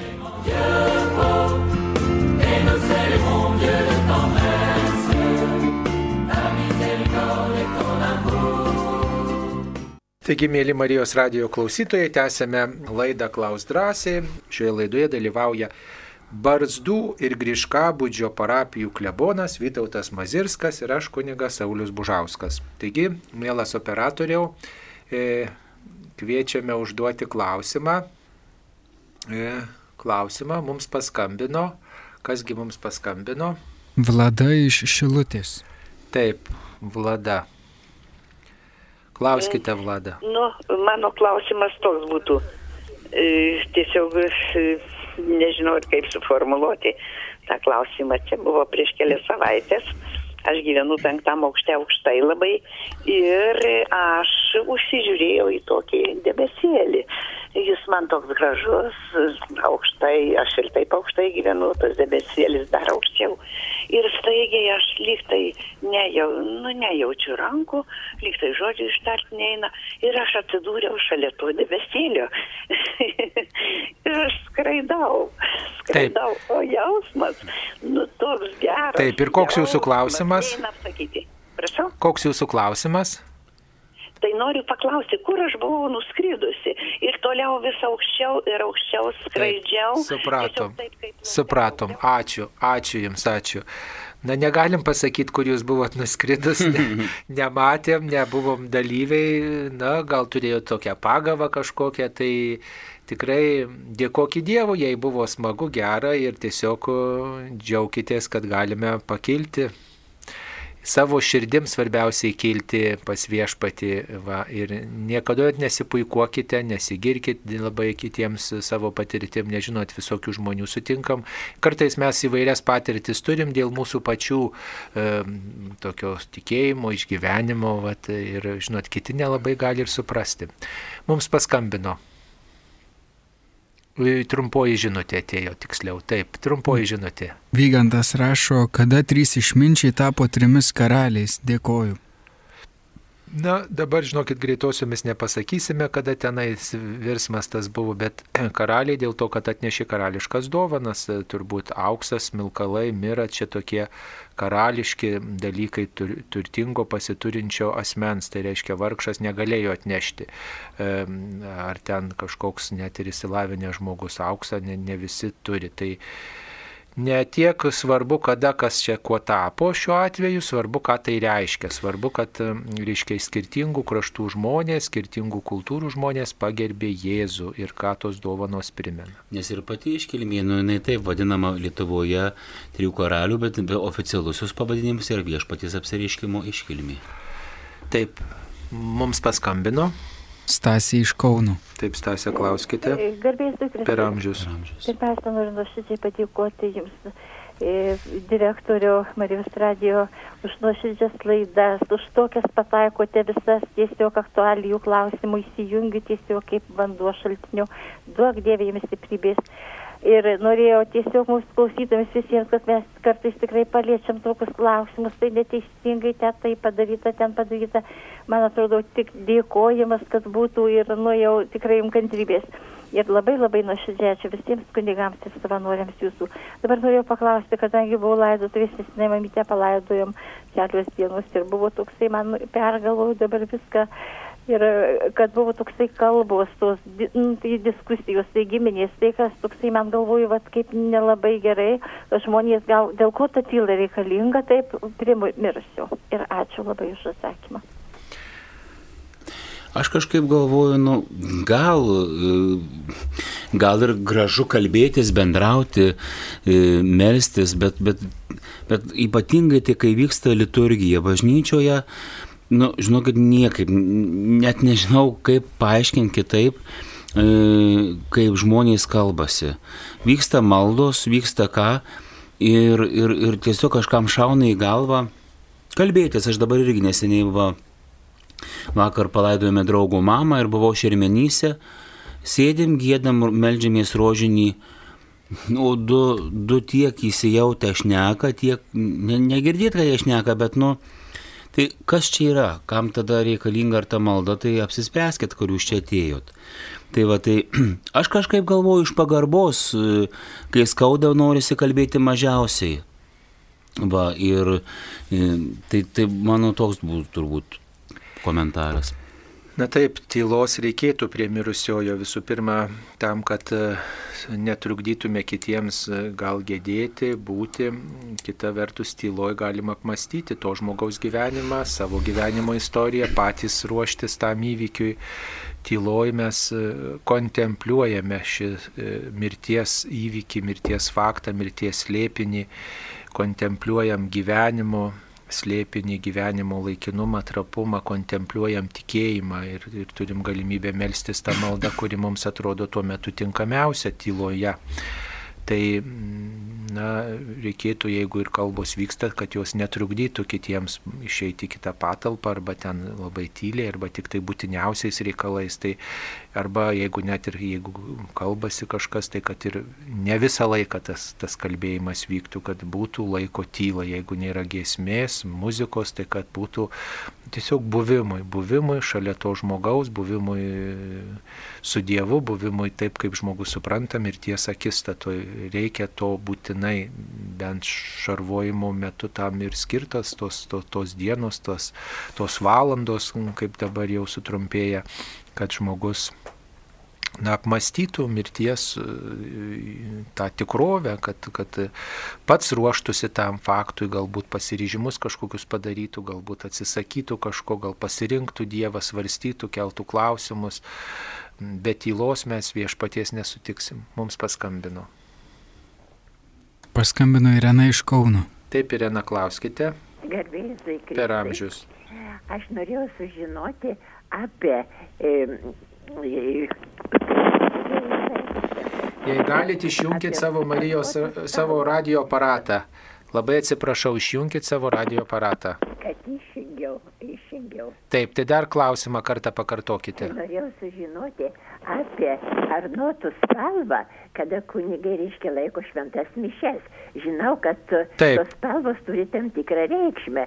Taip. Aš anksčiau žinojau, kad reiškia buvo laikomos mišios gedulingos, tai buvo juoda spalva, dabar yra naudojama violetinė spalva, o dabar žiūrėdama, e, klausydama, e, meldamasi per Marijos, e, per, per televiziją, per laikomas mišes, mačiau, kad viena reiškia sekmadienį buvo labai ryškios spalvos arnotos. Tai labai kažkaip tai vos buvo taip neįprastai savotiškai ir paskui kitą sekmadienį buvo žalia spalva. Tai norėčiau sužinoti, ką reiškia arnotų ta spalva, ką reiškia, reiškia laikant tos šventas mišes. Tai ačiū. ačiū labai už klausimą. E, Tai priklauso ir nuo liturginių metų laiko, ir, ir nuo, nuo tam tikros galbūt esamos ar dienos. E, pradėkim gal nuo liturginio kalendoriaus. Mes liturginius metus pradedame adventu ir būtent advento laike, gavėnios laike ir kai aukojamos gedulinės šventosios mišios, e, to arnoto spalva būna violetinį. Paprastai arnotas ornatus, puošnus rūbas, ar ne, jis simbolizuoja ant kunigo, kai jis yra jį užsidėjęs, kad kunigas yra apsivilkęs Kristumi. Ir tiesiog ta spalva užduoda tokią nuotaiką, sakykime, ar ne. Violetinė spalva yra laikoma liturgijoje kaip laukimo, vilties ir atgailos spalva. E, tai tada einame toliau, turime kalėdų laiką ir tada naudojama baltos spalvos liturginis e, rūbas ar notas, gali būti auksos spalvos. E, tuomet, kuomet yra, nu, ga, galima naudoti baltą spalvą, galima naudoti ir auksi, auksinį arnotą. E, galima ir kitokią dieną, nu, išskyrus vėl turbūt ne per gedulingas pamaldas, ne gavėnių ir ne advente, bet, pavyzdžiui, ten eiliniam sekmanį, bet koks nors kunigas švenčia savo kunigystės jubiliejų. Tai jis laisvai gali būti aprengtas auksinės spalvos auksinės spalvos e, arnuto. Taigi baltos spalvos, auksiniai auksos spalvos arnutai naudojami Kalėdų, Velykų laiko e, metu, taip pat per visokias liturginės šventės iškilmes bei šventųjų minėjimus, kurie nėra mirę kankinio mirtimi. E, Tuomet toliau einame, turime raudoną spalvą. Tai iš svarbiausių liturginių laikų tai raudona spalva naudojama viešpaties kančios sekmadienį, verbų sekmadienį, didįjį penktadienį ir beveik per, ne beveik, bet, nu jo, beveik per visų apaštalų minėjimus ir šventes, nes, kaip žinia, visi apaštalai mirė, išskyrus apaštalą ir evangelistą Joną mirė kankinio mirtimi, taigi per visų apaštalų šventes naudojamas raudonas arnotas ir taip pat per visas e, kitų šventųjų e, minėjimus ar šventes, kurie yra mirę kankinio mirtimi. Ir aišku, svarbiausia iškilmė, didžiausia iškilmė, kuomet naudojama liturginė spalva raudona, tai yra sėkminės. Tai sąsai ir su ugnim, su, su, su, su meile Dievui, kaip kad kankiniai, su kankinystė, su krauju. Tai va, tai dėl to, sakykime, naudojama raudona spalva. Ir e, eilinis laikas, kuris turi tokius du etapus, jisai prasideda po po Jėzaus Krikšto nu, sekmadienio ir tęsiasi iki gavėnios laiko ir paskui po, vėl, po sėkminių iškilmės vėl prasideda eilinis laikas, tiksliau sakant, tęsiasi ir jis tęsiasi iki paskutinio einio laiko sekmadienio kuris e, irgi baigiamas aukso, baltas spalva Kristaus karaliaus iškilmi. Tai vad būtent šita, šitie du laikotarpiai, du etapai tarp Kristaus Krikšto ir ir laiko iki, iki, iki pelenų trečiadienio ir tada po sėkminių iki Kristaus karalius, šitas laikas vadinamas eiliniu ir, ir naudojama žalios spalvos arnotas. Žalia spalva irgi tokia įkūnyja e, šventos dvasios veikimą, nes nu, toks eilinis laikas, bet nu, su Dievu tas laikas niekada nebūna eilinis. Tai, tai vat, žalia spalva, tokia gyvybės spalva ir šventosios dvasios spalva. Tai tiek Taip, būtų. Ačiū. Mums e, atsiunsta dar viena žinutė. Labai įdomu sužinoti plačiau, kaip suprasti, kodėl Marija laikoma nepraradusi nekaltybės, juk gimdė Jėzų, nors tai buvo paveikta šventosios dvasios. Kaip paaiškinti visą tai netikinčiam žmogui? Na, netikinčiam žmogui to neverta aiškinti, nes tai pranoksta įprastus dėsnius, kaip ir paaiškinti, kaip Jėzus prisikėlė iš kapo, kaip Jėzus prisikėlė. Na, va, tai, tai pranoksta mūsų tą tikrovės pažinimą, fizinį tikrovės pažinimą, taip ir Marijos mergystė. Tai yra va, keli tokie slėpiniai e, kur, kuriuos mes pažįstam apreiškimo dėka tik tai dėka prieiškimo e, priimam tai, šitą tiesą kaip slėpinį, kurį galiausiai pažinsim amžinybėj. Mūsų protas nėra pajėgus to suprasti. Reiškia. E, tačiau žinom, kad e, Marija yra ypatingas žmogus ir kad Dievui yra visi dalykai įmanomi, Dievui nėra neįmanomų dalykų. Tai Dievas iš ypatingos pagarbos mergeliai Marijai, dėl ypatingo išrinktumo sugebėjo ją apsaugoti, jos mergystę apsaugoti ir jinai lieka kaip ženklų tos mergelės, kuri štai visiems laikams lieka mergelė net ir būdama motina. E, taip, dar mums paskambino. Rimas iš Rumbonių parapijos. Taip, Rimai, klauskite. E, dabar yra tokia, toks metas e, labai audringas, kada Lukiškių aikštėje ten ir pležas, ir, ir žirgą su raiteliu nori. O ten yra tokia vieta, kur žmonės buvo palaidoti, kurie buvo nukankinti E, juk ir vestuvėse yra laiminama vardant Dievo, ir, ir į amžinybę išlydima, ir krikštyjama. Ten tiktų daugiausiai kryžiaus pastatymas ir, ir reikėtų, kad pasakytų tikintieji ar Vilniaus tikinčiųjų vadovai, kad valstybės vadovams patartų, kad tenai nu netinka, kaip mozei e, buvo žydai nulipdę jauti, kol jisai buvo pokalbėje su Dievu ant Sinajaus kalno, o dabar žirgą pastatys e, ten, kur žmonės buvo palaidoti. Tai, tai koks jūsų klausimas būtų, kokį norėtumėt paklausti? Ar, ar yra, ar tikinčiųjų vadovai ten, kurijos, išsakė valstybės vadovams e, tokią savo nuomonę. Taip, ačiū. Ačiū, supratom. Mes negirdėjom, ar Vilniaus kurijos atstovai būtų išsakę tokį pareiškimą.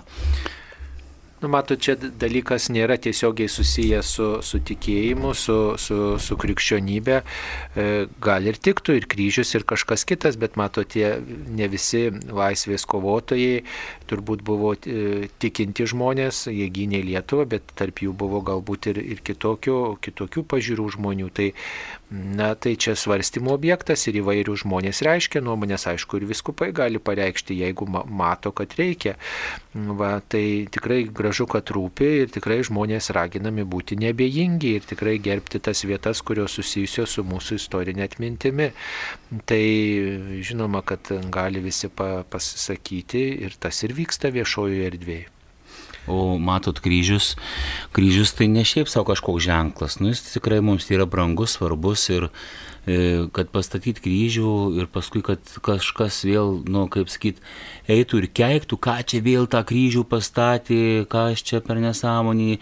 Nu, mes neišvengsim niekada to atstumimo ir pas, pa, papiktinimo, nes nu, jie, su Jėzumi tai pasielgiai, bet jeigu įmanoma išvengti kažkokių konfliktų, aš dabar pats esu kaimo klebonas ir, ir Griška būdžio parapija yra tokia kryžių lankymo tradicija. Jis labai graži, lankom trečiadienį prieš šeštinės, lankom tuos kryžius, gal nuo 15 iki 17 kryžių aplankom yra naujajame palaiminimo apieginė toks laukų laiminimas ir vat, prie jo prisitaikom ir, ir, ir, ir atliekam tas vat, šventą tą kryžių lankymą. Ką aš galiu pastebėti, kad kas metai yra tam tikri kryžiai, kuriuos įsipareigoja tam tikros bendruomenės pažiūrėti. Ir ką aš pastebiu, kad kuo toliau, tuo, tuo mažiau atsiranda tų galinčių prižiūrėti ir, ir, ir tada tie kryžiai nu, tiesiog linkia išnykti, nunykti. Ir, ir dar kartais sako, gal galim ten kryžių pastatyti, ten kryžių pastatyti, gerai, statykim, negaila, o kas jais rūpinsis? Kas žolę apipjaus, kas padažys, e, kokia ten tvoreliai papus, kas, kas naują štakietą prikals. Tai, tai vad kam to reikia kartais, pastatykim kryžių ir, ir, ir kas iš to? Be abejo, pravažiuojant žmonės, da gal kai kurie atsimena, tai ir kepurę vyrai nukelia, ar, ar, ar, ar pasako, garbinkime švenčiausiai, garbiname apie viešpatį Jėzų Kristų, užlovinant tave, kad šimtųjų kryžiumi atpirkai pasaulį, bet pristatyti kryžių ir kad kažkas burnotų arba jie būtų aplėsti ir jais niekas nesirūpintų, nu, tai va, tai, tai būtų tokie komentarai. Taip, ačiū, turime žinutę. Kokius lobius dangų reikia krauti? Gerų darbų lobius, tikėjimo lobius reikia krauti. Tikėjimą, viltį ir artimo meilę puoselėti. Va, tai mylėti viešpatį už vis labiau, Dievą kelti pirmą vietą, maldos lobis, reiškia skirti laiko Dievui, melstis už gyvus ir mirusius, už save, praktikuoti pamaldumą, reiškia tikėjimo lobį ugdyti, viltį ugdyti ir artimo meilės lobį, reiškia tuos žmonės, kuriuos sutinku savo gyvenimo keli, neatstumti, ką pridėtumėt. Pritariu pilnai. Taip, mums paskambino. Danutė iš Lentvario. Taip, Danutė, klauskite. Ai, aš noriu paklausti, kaip ten turbūt tas kunigėlis netoli ten gal elgsnienų klebonauna. Ar, ar nežinote, ten vandenėlį galima paimti, ar ten mišos būna, ar ten koks rajonas, gal galit pasakyti man. Rajonas yra Vilkaviškio. E, Dabar, kada mišios vyksta, aš tiksliai negalėčiau atsakyti informacijos, bet tas vandenėlis ten bėga, trykšta, labai, kiek girdėjau, nedidelė srovelė, reikia kantrybės, e, kol prisipildytų tara, bet, bet vat, tiek galiu jums atsakyti, bet kada tiksliai mišios ten vyksta, aš ne, nežinau. Mažučių šaltinėlis, taip, Taip. vadinasi, jisai tas ta vietovė e, Vilkaviškio rajone. Taip. Mm, Taip, tai to jau pat mes pasižiūrėsime ir jums pasakysime. O dabar mums dar viena žinutė atėjo. Joana klausia. Garbėzui Kristui, koks jūsų požiūris į kapų, kapų dengimo sunkiomis akmeninėmis plokštėmis? Tai yra tiesiog vie- vie- vienas iš būdų pa- pa- paruošti kapą ir tai niekaip neturi nieko bendro su tuo, kad tos plokštės prislėgia, kad negalės įvykti kažkoks prisikėlimas žmogaus. E, Tai turbūt apie tai galvoti reikėtų mažiausiai, bet taip pat kartais tos plokšnės irgi paliūdė tam tikrą tokį, žinot, rungtyniavimą ir keliavimą. E, Rungtyniavimą, kad nu čia dabar ta kapavietė bus prabangi, e, gražesnė, prabangesnė. Tai mm, to turbūt reikėtų vengti, bet, e, žinot, kartais tikrai sudėtinga būna, kai kapavietės tampa apleistos, kai kai į tą kapavietę turbūt daugiau niekas nebus laidojamas. Ir e, kapavietę prižiūrintys artimieji gyvena už kelių šimtų kilometrų kitam Lietuvos krašte. Ir, ir atvykti jiems e, pagal ir pavyksta kartą metuose pasamdyti vietinį žmogų, gal irgi nėra jau galimybės kapui patvarkyti, tai sakykime panašiai nutiko ir, ir, ir, ir mūsų, mūsų šeimoje, mm, kuomet mirė tėčio brolius ir, ir, ir ta, ka- tame kape iš vis gal septyni mirusiai yra palaidoti ir, ir daugiau ten niekas nebus laidojamas. Ir tiesiog buvo priimtas sprendimas, o atstumas irgi pusantro šimtų kilometrų, tėtės irgi mano jau amžiuje, pats vairuoti jau nelabai gali. Tai vad, pri- priimtas sprendimas buvo ne plokštę dėti, bet ten irgi yra kita galimybė iš- išbetonuoti tokį pagrindą, ant kurio buvo apie, apie, apie kurį gražiai buvo apdėtas tas juodas apvadas, o viduje tiesiog tokios, tokios plytelės uždėtos ir, ir, ir vieta padaryta e, gėlėms pamerkti, žvakutėje padėti ir labai, žinot, pasakyčiau, ir patogu, ir gerai, ir, ir, ir supranti, kad, nu, nusima tas toks kapo priežiūros rūpestis, ypatingai tuo atžvilgiu, kai artimieji gyvena toli ir, ir, ir nėra per daug ką pasamdyti e, prižiūrėti tą kapavietę. Taip, tai dabar sužinojom, kad mažučių koplytėlėje, e, kur yra stebuklais garsėjanti šaltinėlį, šventos mišios yra aukojamos paskutinį mėnesio šeštadienį 10 val. Toje koplytėlėje e, telpa iki 100 žmonių, ji yra Vilkaviškio rajone. E, Pasiekiama nuo kelio Vinčiai Pilviškiai Vilkaviškis. Ir mažučių šaltinėlis garsėja tuo, kad e, pasakojama, kad iš jo atsigėrę žmonės nusiplovė, na, pasveiko nuo kai kurių lygų. Taigi paskutinį mėnesio šeštadienį 10 val. tenai susirenka šiek tiek daugiau žmonių ir švenčiamos mišios ir prašome sveikatos ir Dievo malonių. Tokių šaltinėlių yra bent keletas Lietuvoje. Na, linkime, kad mes tikrai Dievo prašytume, Dievo veikimu pasitikėtume ir naudotumės jo dovanom. Dabar mums paskambino. Gvidas iš Anikščių. Taip, Gvidai, klauskite. Sveiki. Sveiki. Norėjau pasitirauti tokio dalyko. E, nemažai esu skaitęs apie apokrifus, e, na, kurie vadinami kitaip uždraustais raštais ir visos kitos evangelijos taip vadinamos. Ir norėjau pasiklausti, ar katalikų bažnyčia, na, koks yra bendrai požiūris į tai, ar katalikų bažnyčia kaip ir neigia tokių tekstų egzistavimą, ar katalikų bažnyčia kaip ir teigia, kad tokie e, tekstai yra kažkuo neteisingi ir panašiai, nors šiaip bendrai norėčiau sužinoti šiek tiek daugiau ir koks požiūris, nes dažnai pastebėjau, kad katalikų bendruomenės nariai nelabai daug žino apie tokius dalykus. Nu taip.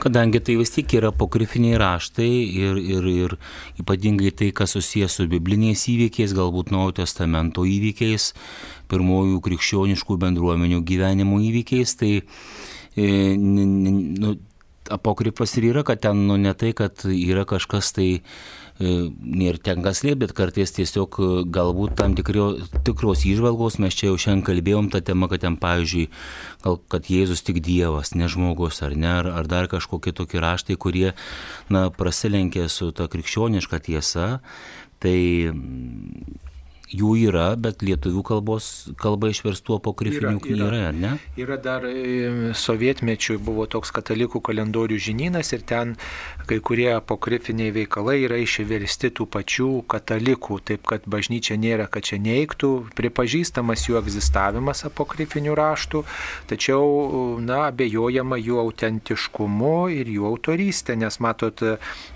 kanoninės knygos, švento rašto kanoninės knygos yra, reiškia, sutariama dėl jų, dėl jų tokios naudos tikėjimui, dėl jų interpretacijos, dėl jų aiškinimo, dėl jų, taip sakant, tokio artimumo šaltiniams, pirminiams šaltiniams, o apokrifai yra pakankamai vėlyva raštyje ir ten jeigu kuo vėliau, tuo tiksliau nupasakoja kai kurios įvykius, tada kyla klausimų, iš kur tie autoriai žino ir iš kur, kuo jie naudojosi, kokią medžiagą. Taigi, na, tas traktavimas apokrifinių raštų būna e, toks skirtingas ir, ir jie dažnai labai skirtingai interpretuoja pačius kanoninius tekstus, dėl kurių sutarė viso pasaulio krikščionys. Tai Dėl to jie laikomi tokiais abejotinos autorystės ir abejotino autentiškumo veikalais, kurie yra tokia maldinga literatūra, galima pasiskaityti, bet, bet reiškia, jie neturi to įkvėptumo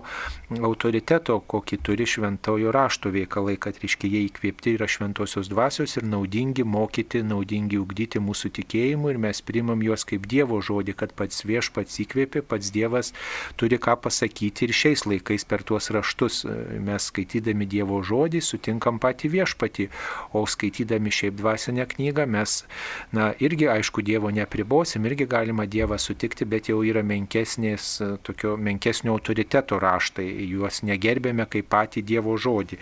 Ir tai bažnyčioje krikščionių bendruomenėse ta tradicija jau daug metų susikloščius ir paskaityti galima, jie nėra uždrausti, jie tiesiog, tiesiog egzistuoja šalia, šalia tų raštų, bet, bet jie, na, taip sakant, ne, neturi tokios vertės kaip kanoninės knygos, tegul visi krikščionys bent jau susidomi ir skaito ir, ir meldžiasi kanoniniais raštais, kanoninėm knygom įkvėptom, kurios visi krikščionys pripažįsta, tai jau bus didelis pasiekimas, o skaityti apokrifus tai yra, na, tokia papildomas tas toks užsiemimas, kuris, na, ne visada kartais gal net ir tą tikėjimą sustiprina, o kaip tik tai gal apkaišo kartais prietarom, kažkokiom samokslo teorijom, kurios tokios abejotinos ir tikrai neugdo tikrojo gyvojo Dievo pažinimu. Ir vėlgi, jeigu, sakykime, kažką čia stengtume įslėpti ar ne, ir, ir, ir apie tai tylėti, nekalbėti, tai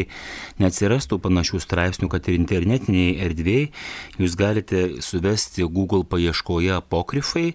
Ir vat, viena iš tų nuorodų, kur vat, dabar perskaičiau, net pats sakiau, grįžęs namuose perskaitysiu, kad daugiau galbūt irgi turėčiau ir to supratimo, suvokimo, tai yra to, tokiam puslapį nuorodo ortodoksas.lt ir, ir paspaudė ir vat, kunigas kunigas Gintaras Jurgis Sungaila rašo straipsnį Naujojo testamento apokrifą ir taip pat ties šiuo straipsniu yra audio laida YouTube kanale Apokrifinės Evangelijos su, su amžinos atminties daktaru Valdo Matskelą. Tai suveskit į Google paiešką apokrifai ir bent jau pas mane išmeta kaip trečiąją nuorodą e, apie tai, ką aš dabar pakalbėjau ir tas straipsnis ir paskui tame straipsnėje paspaudus nuorodą nukreipsius į laidą. Tai, tai tikrai, vat, kiek čia truputį užmečiau, čia nieko neslepia ir įvardina, kas tie apokrifai ir, ir kad jie ne tik tai ten darė bėdų, bet ir naudos davė, vat, kad, sakykime, kad tam tikram menui vaizdavimu ar, ar dar kažką. Tai vat, pasiskaitykit, tikrai, tikrai, manau, čia ir straipsnis geras, ir o laida su amžinos atminties daktaru Valdu Matskela tikrai, manau, turėtų nenuvilti ir, ir duoti labai daug aiškumo. E, na, apokrifinės yra Evangelijos pagal Jokūbą, pagal Petrą, pagal Mariją Magdalietę ir net Evangelija pagal Judą Iskarijotą. Tai, mm, na, nėra tokio e, įrodyta ryšio su tais autoriais. Su, ir tiesiog jos pakankamai vėlyvos yra, tai dėl to ir dėl kitų priežasčių, reiškia, jos neįtrauktos į kanoną, reiškia, į tą oficialiai pripažintą, tikėjimui naudingą, e, taip sakant, paveldą. Taip, mums dabar atsiunti žinutę. Garbėzui Kristui noriu paklausti filosofinį klausimą. Man jau virš 60 metų visą gyvenimą garbinau ir šlovinau Dievą. Dabar nustatė onkologinę lygą ir nuėjau į bažnyčią, ji buvo tuščia, pusbalsiu paklausiau Dievę, kodėl. Dar palaukiau, bet man niekas nieko neatsakė. Todėl klausiu jūsų nuomonės, ar ten nebuvo to, kurio klausiau, ar to, kuris galėjo atsakyti, o gal nebuvo ir nėra atsakytojo. Ačiū, Arūnas. Atsakytojas tikrai yra tas, kuris gali atsakyti, bet mato, Dievas yra mm, slėpinys, Dievas nėra tas, kurį mes galėtume tampyti kaip norėtume. Ir jeigu mums reikia kažkokio atsakymo, kokio dalyko, mes spaudžiam mygtuką Dievos ir jis čia turi tuo vykdyti mūsų įgeidžius. Dievas yra asmo ir slėpinys. Ir mm, jis tikrai jums atsakys ir tikrai, e, e, na, pateiks žinę apie jūsų situaciją, tik tai turėkite kantrybės ir išminties laukti. Va, mes nežinom, kodėl kartais mus ištinka lygos, kodėl mums nepasiseka kartais, kodėl mus ištinka nelaimės, kodėl.